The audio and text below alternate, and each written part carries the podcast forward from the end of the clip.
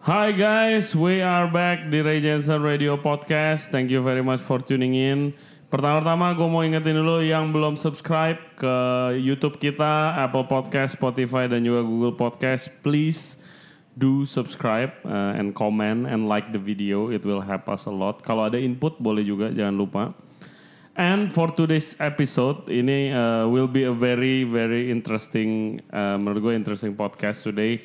Gua ada, sorry bro, gua harus baca nama lu. Iya, karena gue panggilnya Uken. Iya. Ini guys, kita sama Uken. Nama nama panjangnya adalah Irfan Thomas.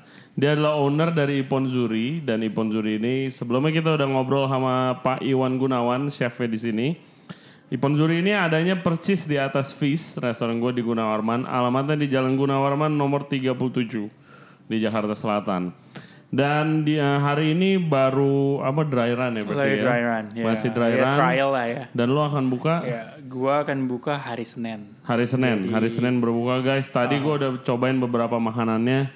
Ada satu yang gue makan tadi apa yang salmon pakai It's a sa- salmon salad. salmon salad Yep. gitu ya. Itu salmon timun and the creamy sauce is amazing. Harus coba itu Thank ya you. guys. And uh, basically dia adalah uh, owner obviously penikmat makanan Jepang tapi punya bisnis di perikanan juga.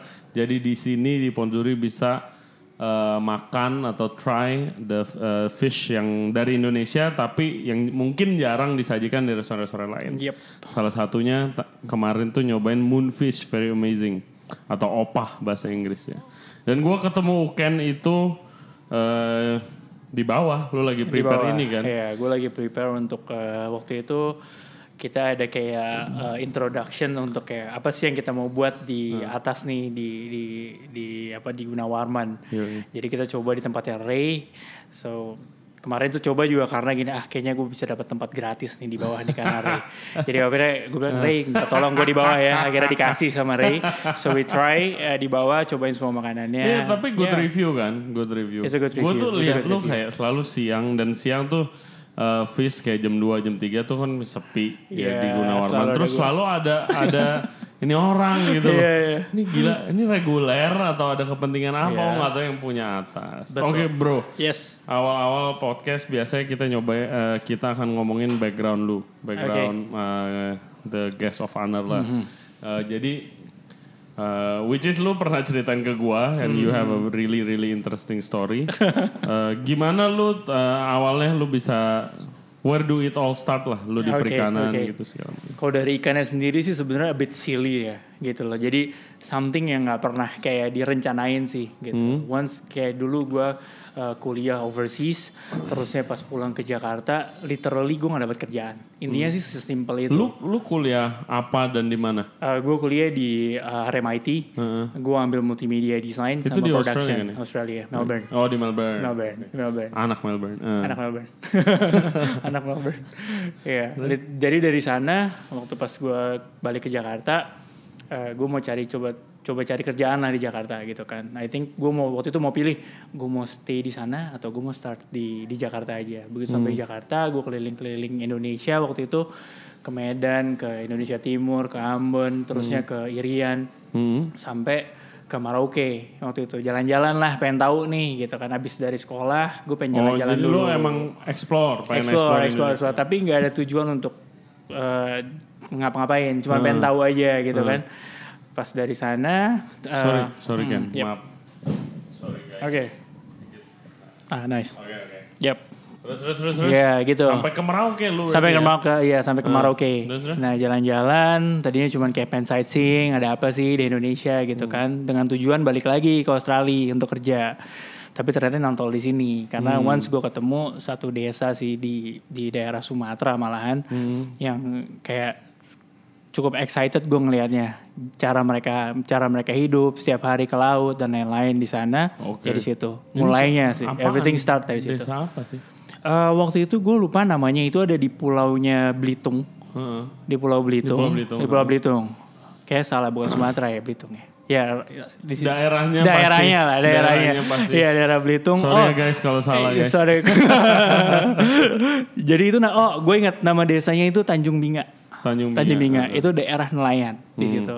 Jadi everything start dari sana. Gue kok ngeliat kayak wah hidupnya cukup santai. Yang gue lihat santainya sebenarnya. Kayaknya kayak lu udah datang ke laut pagi, ya berangkat ke laut pagi, terus ya pulang malam. Ada yang berangkat malam, pulang pagi. Hmm. Bisa habis itu lu bisa jualan, lu dapat uang cukup buat keluarga. Sesimpel itu sih gue ngeliatnya waktu itu.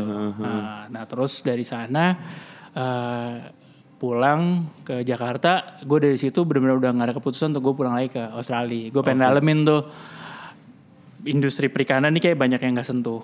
Gitu. Tapi lu oke gua gua sih dari dulu udah Hmm. pasti udah tau lah kayak perikanan nih kayak bisnis yang nggak gampang buat dimasukin kan. betul sih banget, banget, Costnya banget, banget. besar, Iya. ya kan? Pasti costnya besar dong. Ah, enggak juga sih. Sama restoran Iya. dibandingin lu buka restoran mirip apa gitu? Ah, enggak sama sekali sih kayak kayak kalau gue emang waktu start bisnis ya yang kita lihat emang kayak kalau kita mau start something ya at least start dari zero money dulu lah. Ada yang bisa kita kerjain nggak? Abis itu baru masuk ke ke sana. Oke. Uangnya berapa? Jadi Oh. pas gue lihat ikan nih mereka as simple, maksudnya simple life ya gue pikir juga ah, costnya nggak mungkin banyak gitu. Jadi pas gue masuk ke sana ngelihat ternyata benar. Yang gue lihat sebenarnya bukan bisnisnya waktu itu, tapi yang gue lihat cara hidup mereka.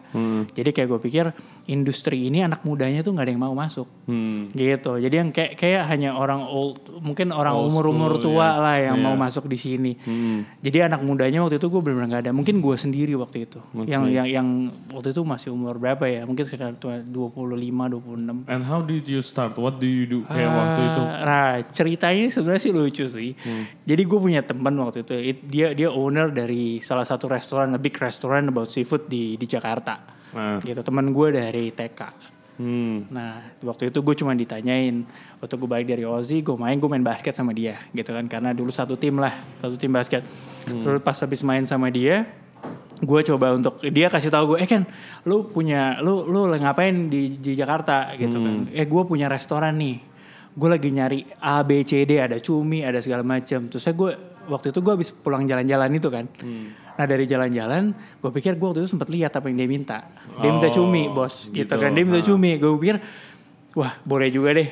Hmm. habis itu gue bilang sama dia gue iyain aja waktu itu. Ya udah deh gue coba gue coba supply.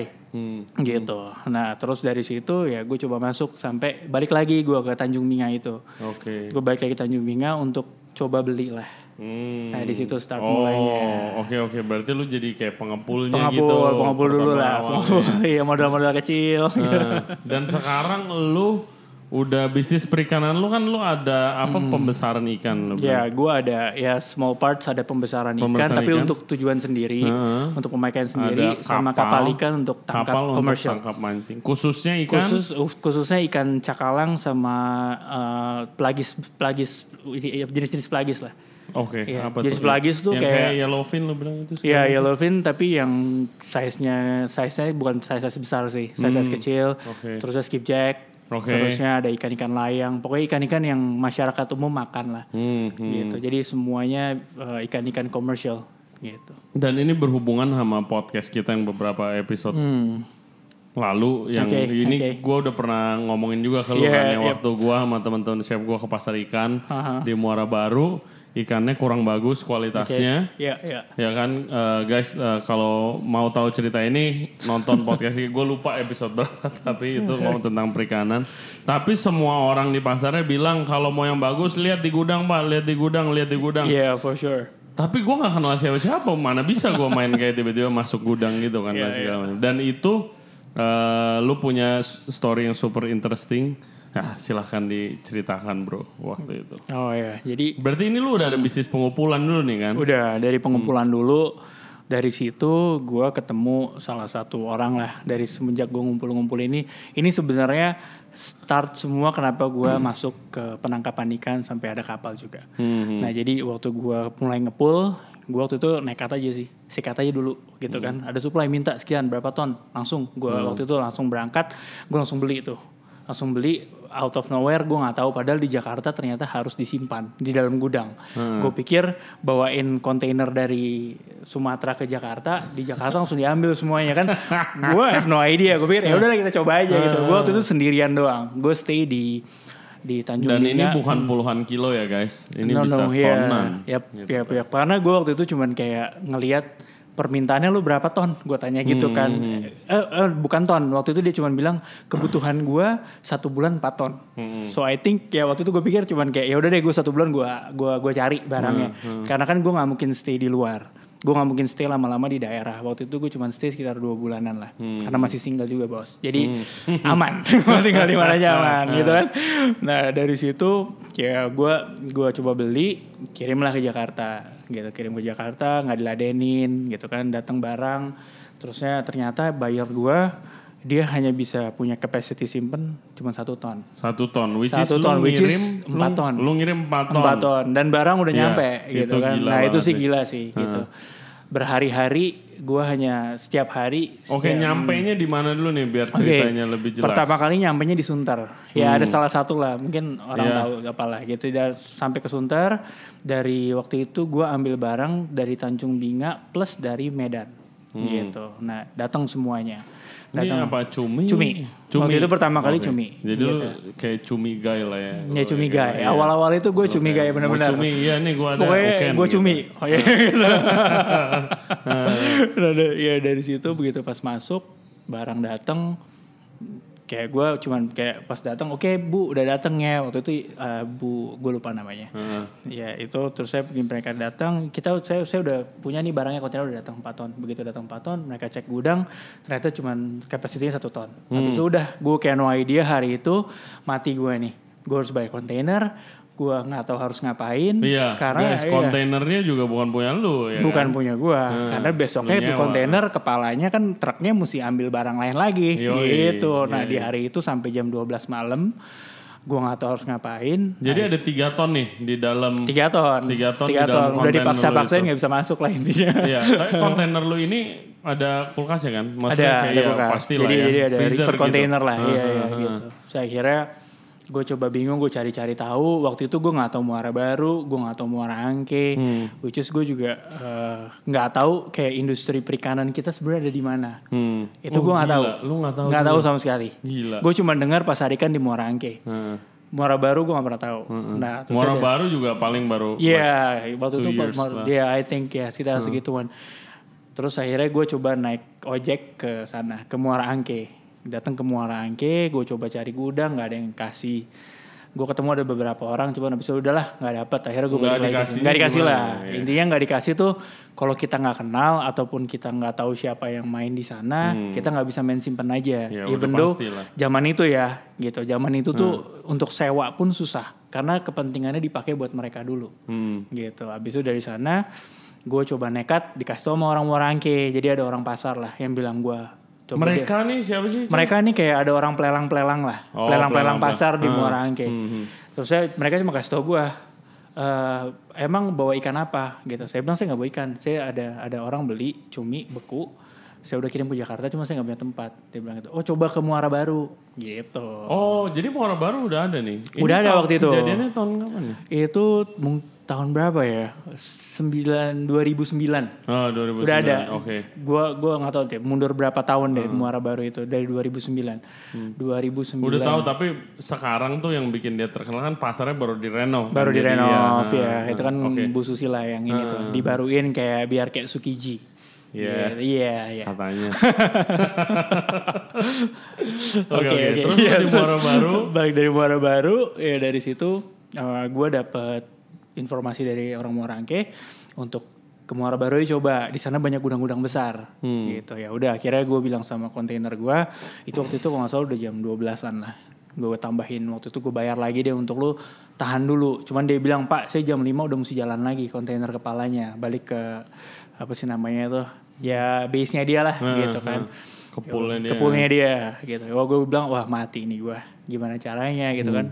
Udah dari kasih tahu itu langsung tuh gue bilang tidak kita ke Muara Baru bapak tahu nggak saya nggak tahu waktu gue gue gue nggak tahu sama sekali bapak si si supirnya bilang tahu kita jalan deh ke sana Muara Baru tempatnya di mana Gue langsung bilang, gue juga nggak tahu tempatnya di mana.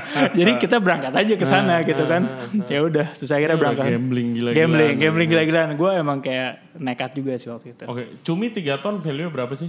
Cuma 3 ton tuh value. Kalau waktu itu sih harganya nggak terlalu mahal lah. Jadi sekitar 26 sampai 30 ribu tergantung size-nya. Jadi waktu itu waktu 30 ribu Per kilo kan? Per kilo. Terus lu kali 3 Iya dikali dikali 3 ton lah gitu. Gila jadi men, gila men. jadi Nah, jadi cukup banyak lah. deg-degannya udah kayak Deg-degan, ah, deg-degan. Dan kondisinya adalah gue baru bayar DP. ah. Dan DP itu gue baru bayar 20%. Karena the whole pembayaran yang gue harus dapat itu kan gue nggak ngarepin dari bayar gue. Oh dari sononya lu bayar-bayar DP? Iya gue baru bayar DP Mampus bos. sih, iya mampus sih. ya. itu sih mati sih waktu itu. Gue udah diteleponin dari sana. Udah barang udah datang belum? Barangnya udah datang. Udah. Pembayarannya gimana? Barangnya udah bagus belum? Gue ditanyain gitu mau mati rasanya. Hmm. Karena apa? Karena yang diambil baru satu ton. Which is kalaupun gue mau bayar, ternyata informasi itu juga nggak tepat. Tadinya barang sampai gue dibayar. Hmm, Ternyata mundur satu minggu. Oke, biasa lah restoran. Biasa lah, iya. Biasa lah restoran. Gitu. Hmm. Ya udah ada start dari Muara Baru. Akhirnya jam 12 lewat, gitu kan gue gak dapet tempat, akhirnya kita parkir. Akhirnya kontainer ditinggal tuh.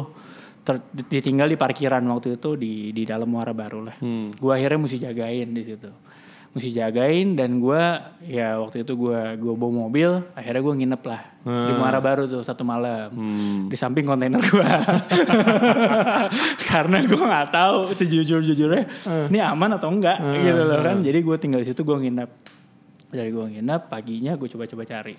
Cari-cari gudang nggak dikasih lah intinya. Karena memang semuanya oh mainnya siapa? Temennya siapa? Kenal nggak? Gitu kan. Oh datang dari mana? Jadi pokoknya seribu pertanyaan dulu. Yang which is juga- Pastilah, pasti. pastilah. dan itu pun gue nggak bisa jawab. Gitu kan kayak kayak gue mau sewa dong saya mau sewa tempat. Oh nggak bisa. Saya udah pakai sendiri. Gitu kan. Ya aduh gue pikir ya udahlah akhirnya hari kedua lewat lagi. Dan hari kedua gue udah harus bayar lagi. Waktu itu kalau nggak salah gue satu hari itu harus bayar kontainer sekitar berapa ratus ribu empat ratus ribuan lah. Hmm, satu untuk nyewanya karena ya. udah udah overtime gitu kan. Heeh. empat ratus ribu. Dan ini cerita lucunya sih bro. Jadi eh, ada satu di tempat gue parkir ini udah ceritanya udah pindah parkir tiga kali nih gitu Udah parkir tiga kali di Lu hari yang bawa. No no, jadi karena kepalanya kan orangnya datang lagi, Oh, karena lu udah mau tarik kan. Hmm. Setiap kali lu mau tarik lu mesti bayar, jangan dulu pak, gitu kan. Akhirnya Oh, dipindah. Karena karena lu juga nggak bisa station di satu tempat itu, karena paginya tuh ada Pasti. keluar masuk pasti. truk juga, Heeh, gitu kan. heeh. Udah terus dari situ ya udah, nah ini cerita cerita menariknya sih, kenapa gue bisa akhirnya kok masuk ke sana. Hmm. Jadi out of nowhere gitu kan. Out of nowhere gue ada di depan gue ini ada satu gudang yang udah tiga hari udah dua hari ini gue mau coba masuk. Karena gue coba intip sebenarnya gudangnya tuh kosong.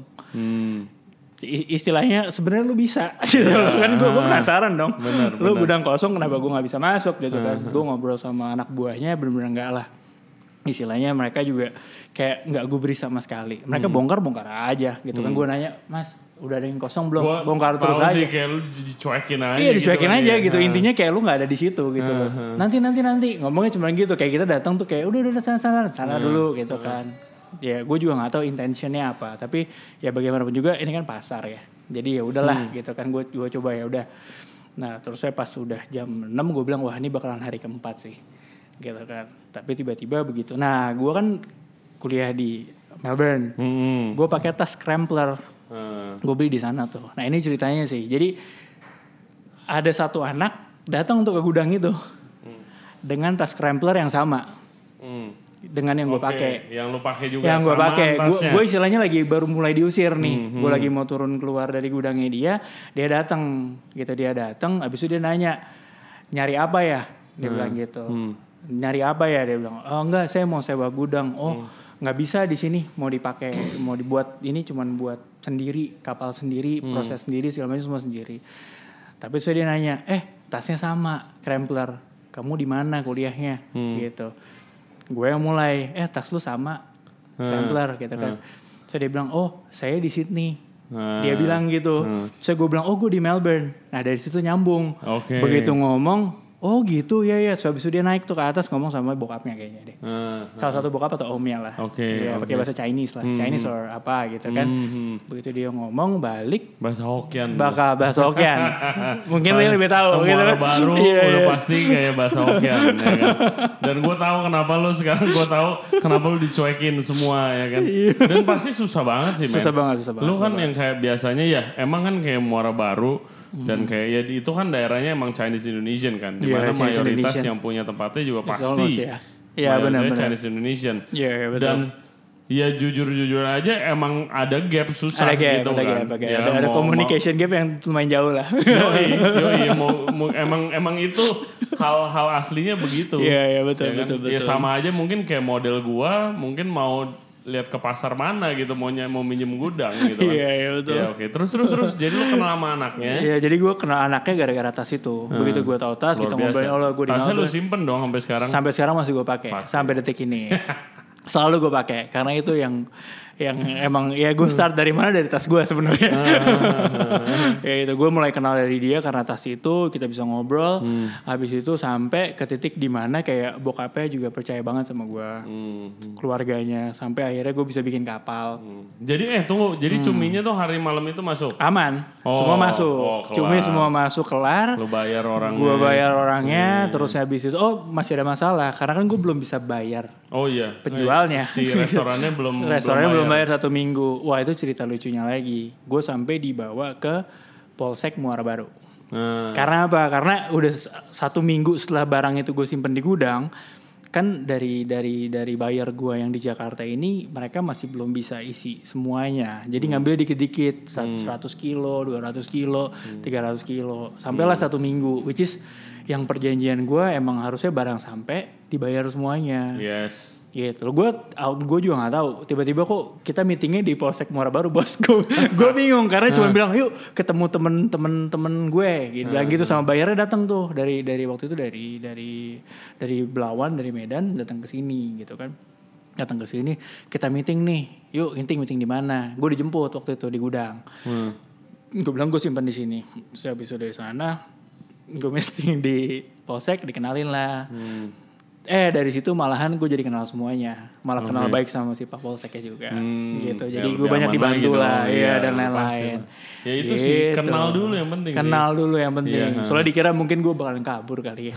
Waktu itu. Which is lu mau bawa kabur tiga tahun cumi ke mana Iya, gitu kan?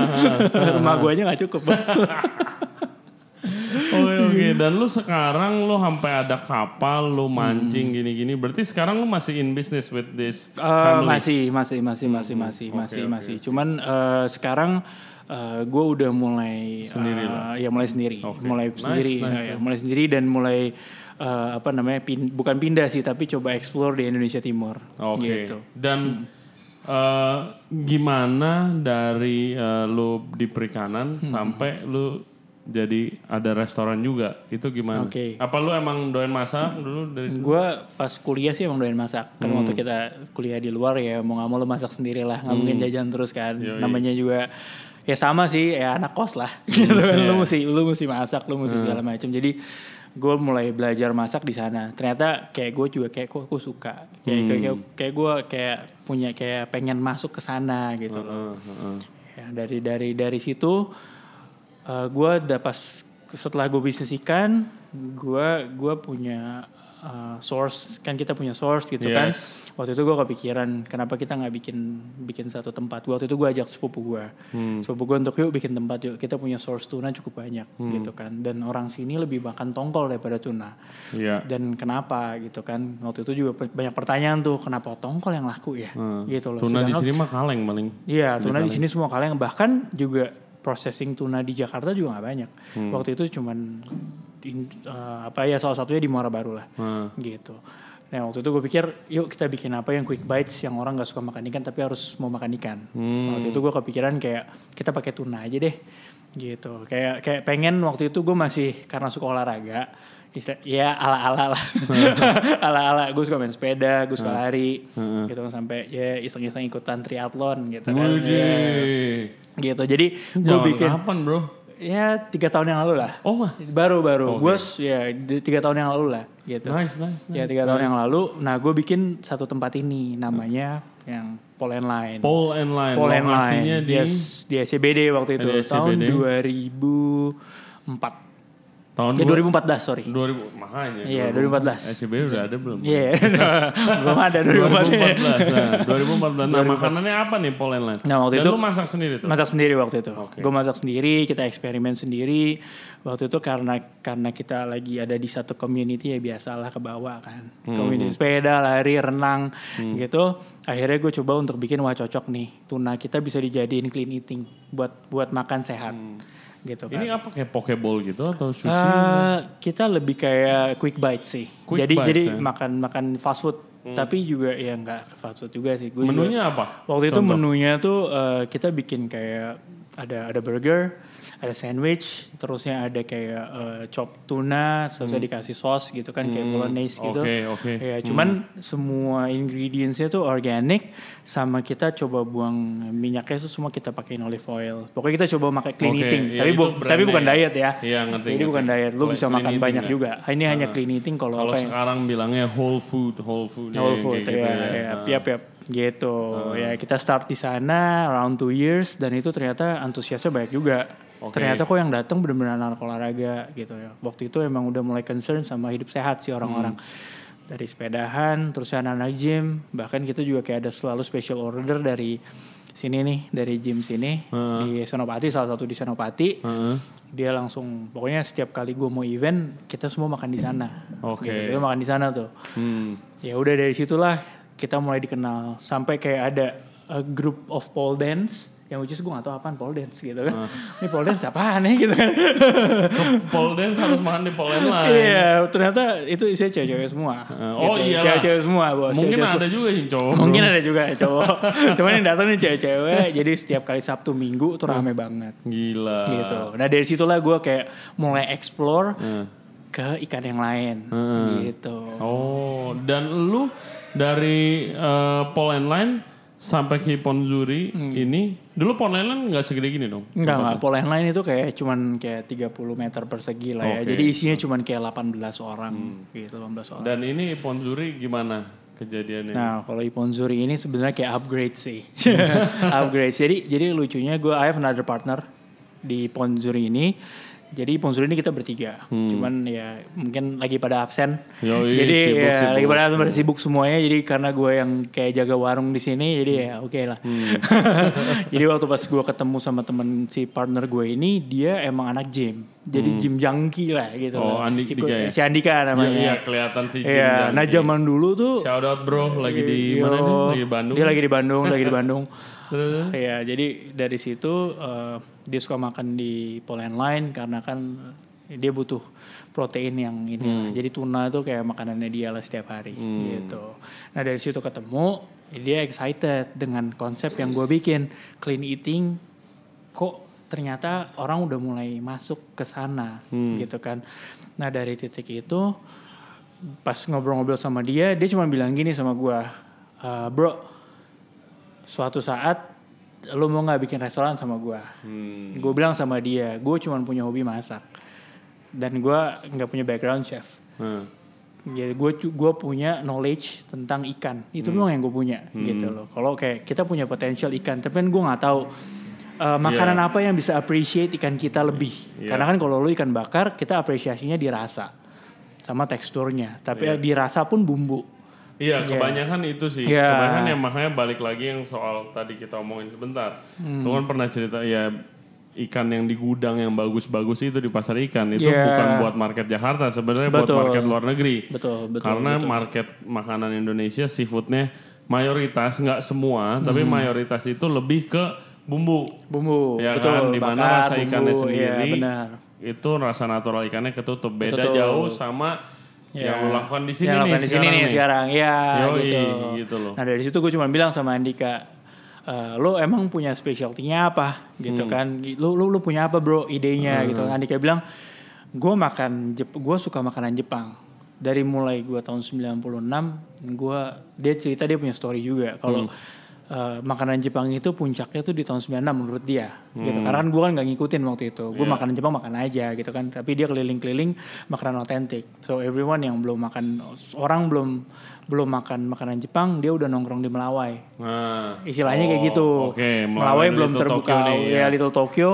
Waktu itu masih ang- ya tahun itu gue juga kayak mau masuk ke sana kan juga ya udah lah ya sekali-sekali gitu. Nah, dia udah udah udah makan di sana, dia udah explore bahkan bolak-balik ke Jepang sampai bokapnya tuh suka marahin. Kayak kerjaan lu cuma ngabisin duit makan Jepang. Makan Jepang tuh nggak murah Iya. gitu. Itu dia. Nah, dari situ gue bilang, wah boleh sih. Gue nggak gitu tahu makanan Jepang. Hmm. Tapi gue mau belajar. Tapi gue tahu kualitas apa yang gue bisa kasih ke lo. Itu doang yang gue kasih tahu ke dia. Hmm. Kita Indonesia ini punya ikan banyak. Dan dan gue ekspor ke Jepang. Gitu. Nah dari situ Hmm. oke. dia bilang oke deh tertarik deh. Tapi itu juga nggak lama prosesnya. Hmm. Jadi jadi begitu gue udah ngerasa, ya udah coba deh bro, mau deh kita bikin. Tapi nggak sekarang. Gue Hmm. bilang gitu. Ya itu juga dari situ juga lama sih. Itu sekitar dua tahun setelah kita ngomong itu Oh, baru ada iya. realisasi. Iya iya iya. Karena kan sibuk masing-masing juga. Gue sibuk sama pola lain gue. Andika juga sibuk dengan masih uh, show-show event Oke. apa namanya bodybuildingnya di Bali lah ikut show segala Hmm. Oh, macam. Body, ya. Oh, gitu. Temen nggak tahu ya sekarang kayak udah pensiun deh. Iya iya gitu. Oke, Ken. Kita lanjut lagi nanti. Oke. Lu nggak sibuk kan? Enggak, gue gak sibuk. Oke, bro. Jadi gua closing dulu sekarang. Nanti Oke. kita lanjut lagi storynya. Oke, bro. Sure. Siap. And thank you very much guys for listening to our podcast today. Jangan lupa subscribe di Ray Jensen Radio di YouTube, Spotify, Apple Podcast, Google Podcast, dan Anchor app. Jangan lupa datang ke Ponzuri, makan, cobain. Enak banget pasti ya, karena tadi gue udah makan. Yes. Dan jangan lupa cobain juga makanan-makanan yang interesting lainnya dari Ponjuri. Contoh di mereka nih karena iya tadi ceritanya nih orang he is a fish expert. Itu dia punya perikanan dan kapal, jadi punya banyak sekali selection ikan yang jarang ada di tempat lain. Mau restoran Jepang otentik aja nggak ada. Dan kemarin gue udah nyobain salah satunya. And uh, thank you very much bro. Thank you. For your Thank you, bro. time. Thank you, bro. Thank you very much for listening. Bye bye.